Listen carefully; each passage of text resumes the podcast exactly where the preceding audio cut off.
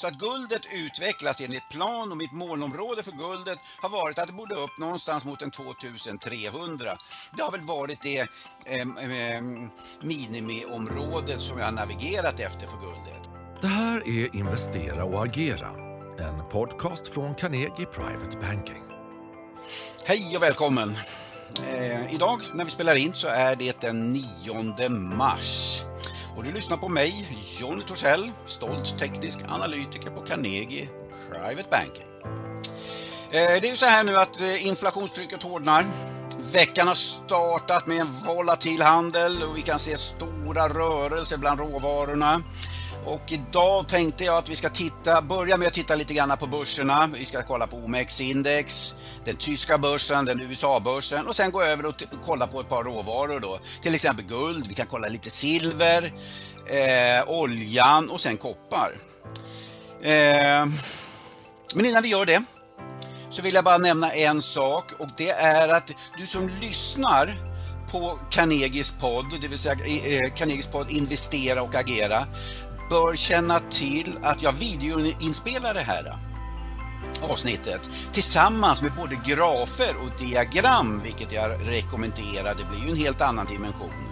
Och vill du se den här videoinspelningen, eh, videoversionen, så kan du gå in på carnegie.se slash teknisk analys. Så kan du se den där. Så, det var introt det. Låt oss kasta oss över lite diagram. Eh, så här ser OMX-index ut. Det här är ett veckodiagram och vi kan se utvecklingen från, eh, här ser vi ju då innan corona, det vill säga toppen i februari 2020 och sen fick vi coronanedgången och sen hade vi en stark uppåtgående trend som fortsatte egentligen fram hit i som, till i somras och sen har vi då gått in i, gick vi då in i en konsolidering. Här bröt ut på uppsidan Eh, i tid, början på januari. Eh, vi, vi, fick en topp den 4 januari och sen vände det ner in i den här konsolideringen igen. Här. Eh, och sen bröt ut på nedsidan här borta Eh, för tre veckor sedan och sen brakade på på nedsidan. Vi föll på, föll igenom. Eh, vi hade ett stödområde här nere vid 20, 2000 ungefär. Nästa stödområde, eller målområde för mig har varit 1870 till 1900 och där var det i stort sett, var nere vid 1902 som lägst. Och så har vi fått en vändning upp. Så nu har jag förvänta, eh, lite förväntningar om att det kortsiktigt, vi borde få en rekyl uppåt för det är rejält stretchat.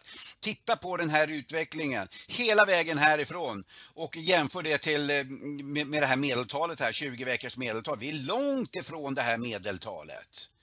Eh, och så här, när det är så här långt bort ifrån medeltalet då brukar vi få en rörelse upp mot medeltalet igen. Eh, så alltid när vi får en rörelse för långt ifrån medeltalet då brukar vi få en rörelse ner mot medeltalet igen. Så att min eh, utgångspunkt är att vi ska få en liten, eh, efter den här träffen här så har jag navigerat efter att vi kortsiktigt borde röra oss upp mot eh, det här området någonstans. Då. Det vill säga ungefär då, säg, vad, vad, var det, 2070 till 2120 området där någonstans, i det häradet. Men Eh, sen är det ju så, vi befinner oss i en nedåtgående trend så att fram till dess jag får signaler om motsatsen så kommer jag navigera efter att det här är en kortsiktig upprekyl och sen ska det här vidare neråt igen. Det är min utgångspunkt. Så länge, jag, eh, så länge vi får eller man ska säga så här, så länge vi befinner oss i en nedtrend så kommer det vara min utgångspunkt. Eh, eh, fram till dess jag får andra signaler då helt enkelt. Och det är egentligen i stort sett samma sak om vi tittar på den tyska börsen, eh, DAX-index, som ser ut så här.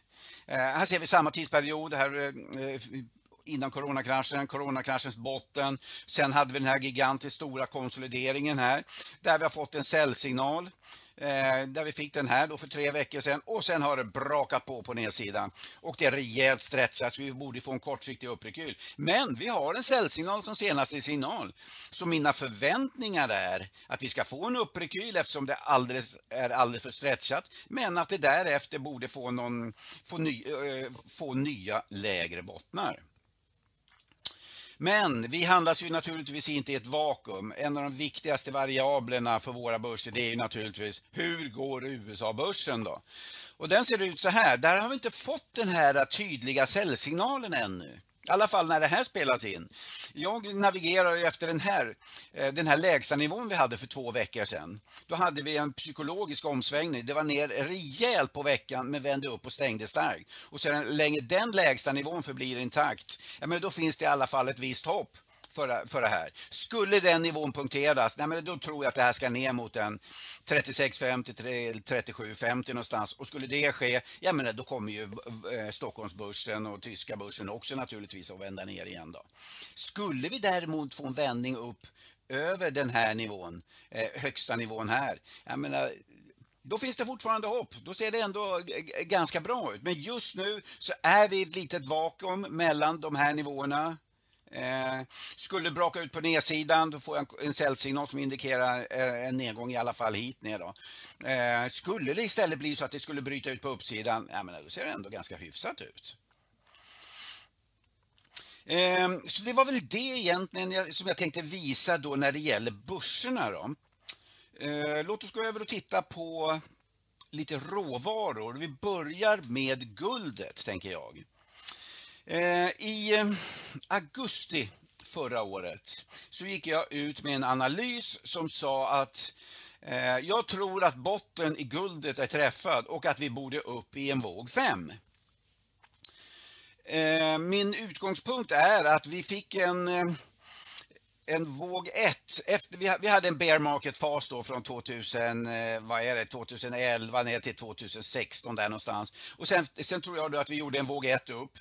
Eh, eh, till eh, botten då, eller till en topp då i 2016. Vi fick en våg 2 ner eh, som bottnade i mitten på 2018. Sen fick vi en jättekraftig rörelse upp som bottnade i mitten av 2020. Eh, och sen en rekyl ner eh, som bottnade då i augusti förra året. Där jag gick ut med och trodde att nu tror jag att vi har sett botten i en våg 4 och vi borde nu upp i en våg 5. Det tog många månader. Det tog jättemånga månader innan jag fick rätt i min analys. Det, guldet gick sidlänges i en, två, tre, fyra, fem månader. Men det är de senaste två månaderna har vi nu sett att det här börjar röra sig på uppsidan.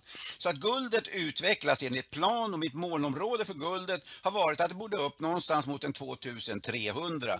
Det har väl varit det eh, eh, minimiområdet som jag har navigerat efter för guldet. Sen skulle det här kunna gå naturligtvis till 2000, ännu högre, 2500, 2700. Det är lite sån här blue sky scenario då jag har.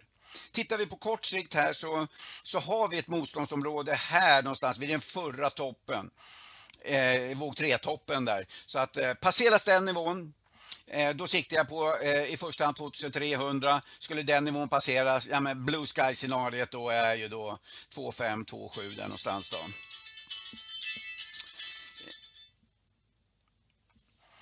Eh, så det, det, det, var det om guldet. Jag skulle inte få genombrott över, två, över den här toppen då, 2050 där någonstans. Då. Jag menar, då, då skulle du kunna få en liten rekyl först. Eh, men sen tror jag, men huvudscenariot är nog ändå att det här borde upp.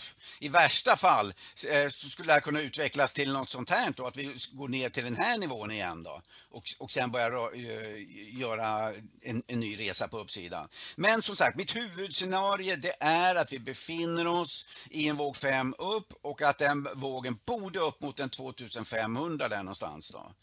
Eh, jag tänkte att vi kan även titta på hur det ser ut i ett veckodiagram på guldet. Vi ska se om jag hittar ett sånt guld weekly.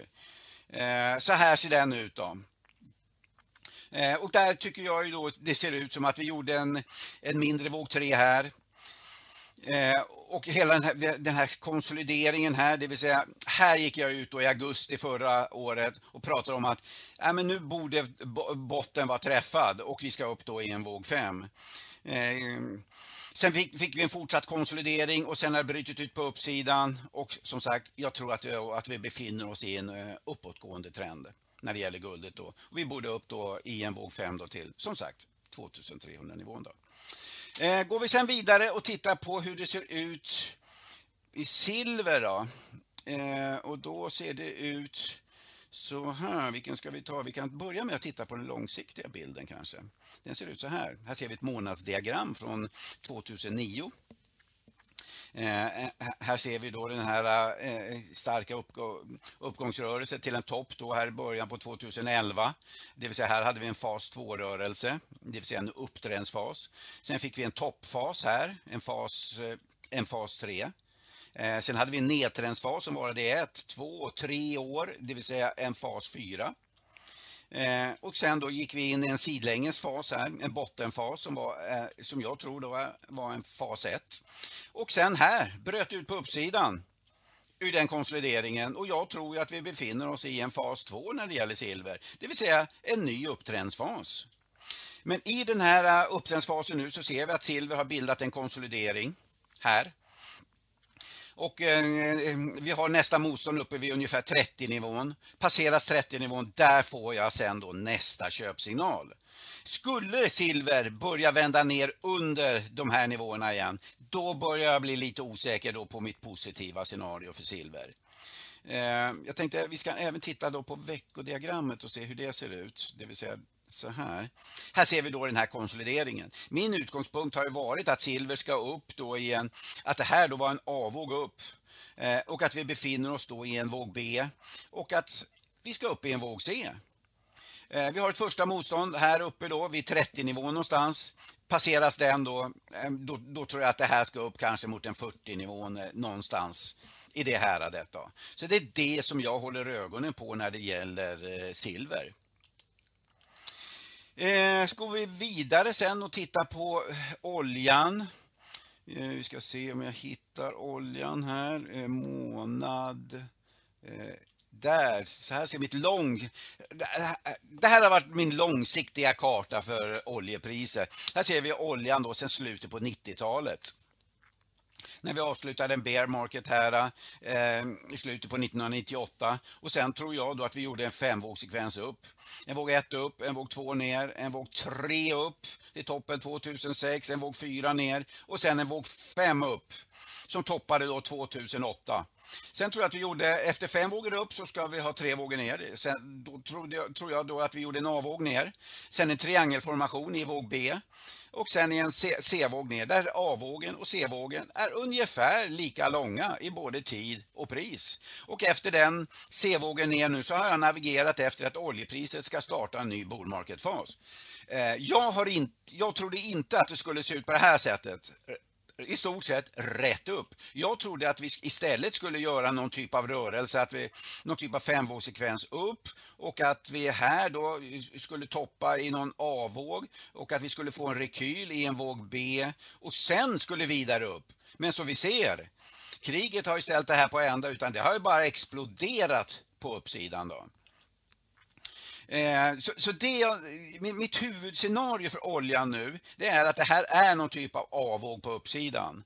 Eh, vi kan titta på det här i lite mindre tidsperspektiv förresten och gå över och kolla på olja i veckochartet istället, från den här C-vågen här nere. Här var ju den här C-vågen då som som vi pratade om eh, corona, coronabotten. Eh, och sen då ska vi ha då den här avvågen upp då som jag, som jag visade då i det större tidsperspektivet. Och där tror jag då att vi har gjort en våg 1 upp, en våg 2, en våg 3, en ABC, en våg 4. Eh, en potentiellt våg, våg 5 upp där någonstans. Och när den här eh, A-vågen sen är klar, då tror jag att vi ska ha en rekyl i en B-våg och sen ska det här följas då av, en C-våg. Det är väl det som är mitt huvudscenario. Vi ser nu att oljan är rejält stretchad på uppsidan. Vi har inte haft sånt här högt RSI på, på många, många år. Jag tror det nästan är ett decennium. Så att det, det är ju rejält stretchat på uppsidan här. Sen kan ju saker och ting ske med krig och såna här saker, oro, självklart.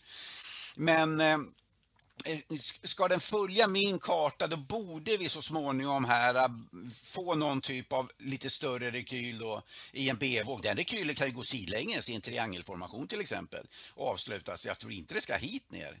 Men, eh, men någon typ av då konsolidering och, och sen vidare upp då i en, i en våg C. Det är väl det som är mitt huvudscenario då, när det gäller eh, oljepriset.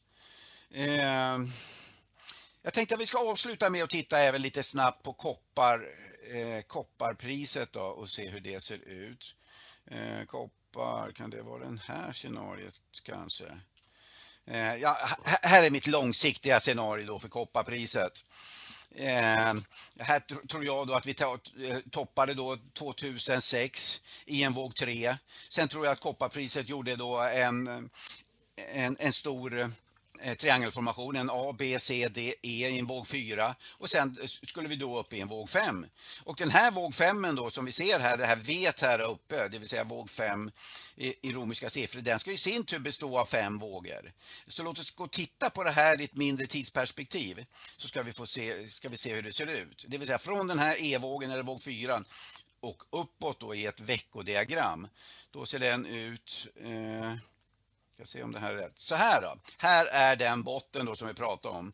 Eh, vi skulle då upp i en våg 5 och den femman då ska bestå av fem vågor. Där tror jag att vi har gjort en 1, 2, 3, en triangelformation i våg 4 och att vi ska upp i en våg 5 i kopparpriset. Vi har fått en köpsignal här nu också. Eh, och eh, mitt huvudscenario det är att kopparpriset borde upp eh, i något sånt här scenario. Skulle vi få en vändning ner, det vill säga här, det vill säga här fick vi en köpsignal Eh, Eh, med en stor stapel, tydligt utbrott på uppsidan och en hög omsättning också. Det vill säga det är uppfyllt alla kriterier för, då för en stark köpsignal. Men som vi vet, alla saker och ting kan hända. Skulle det här börja vända ner in i konsolideringen igen och bryta under den här eh, nivån, då är den här köpsignalen annullerad och då går vi in i ett annat scenario. Men fram till dess det sker så navigerar jag efter en våg 5 på uppsidan. Så det var det jag hade idag. Tack så jättemycket för att du har lyssnat. Är du intresserad av topprankad aktieanalys och unika investeringsmöjligheter? Gå då in på carnegie.se privatebanking och lär dig mer om vad du får som private banking-kund hos oss.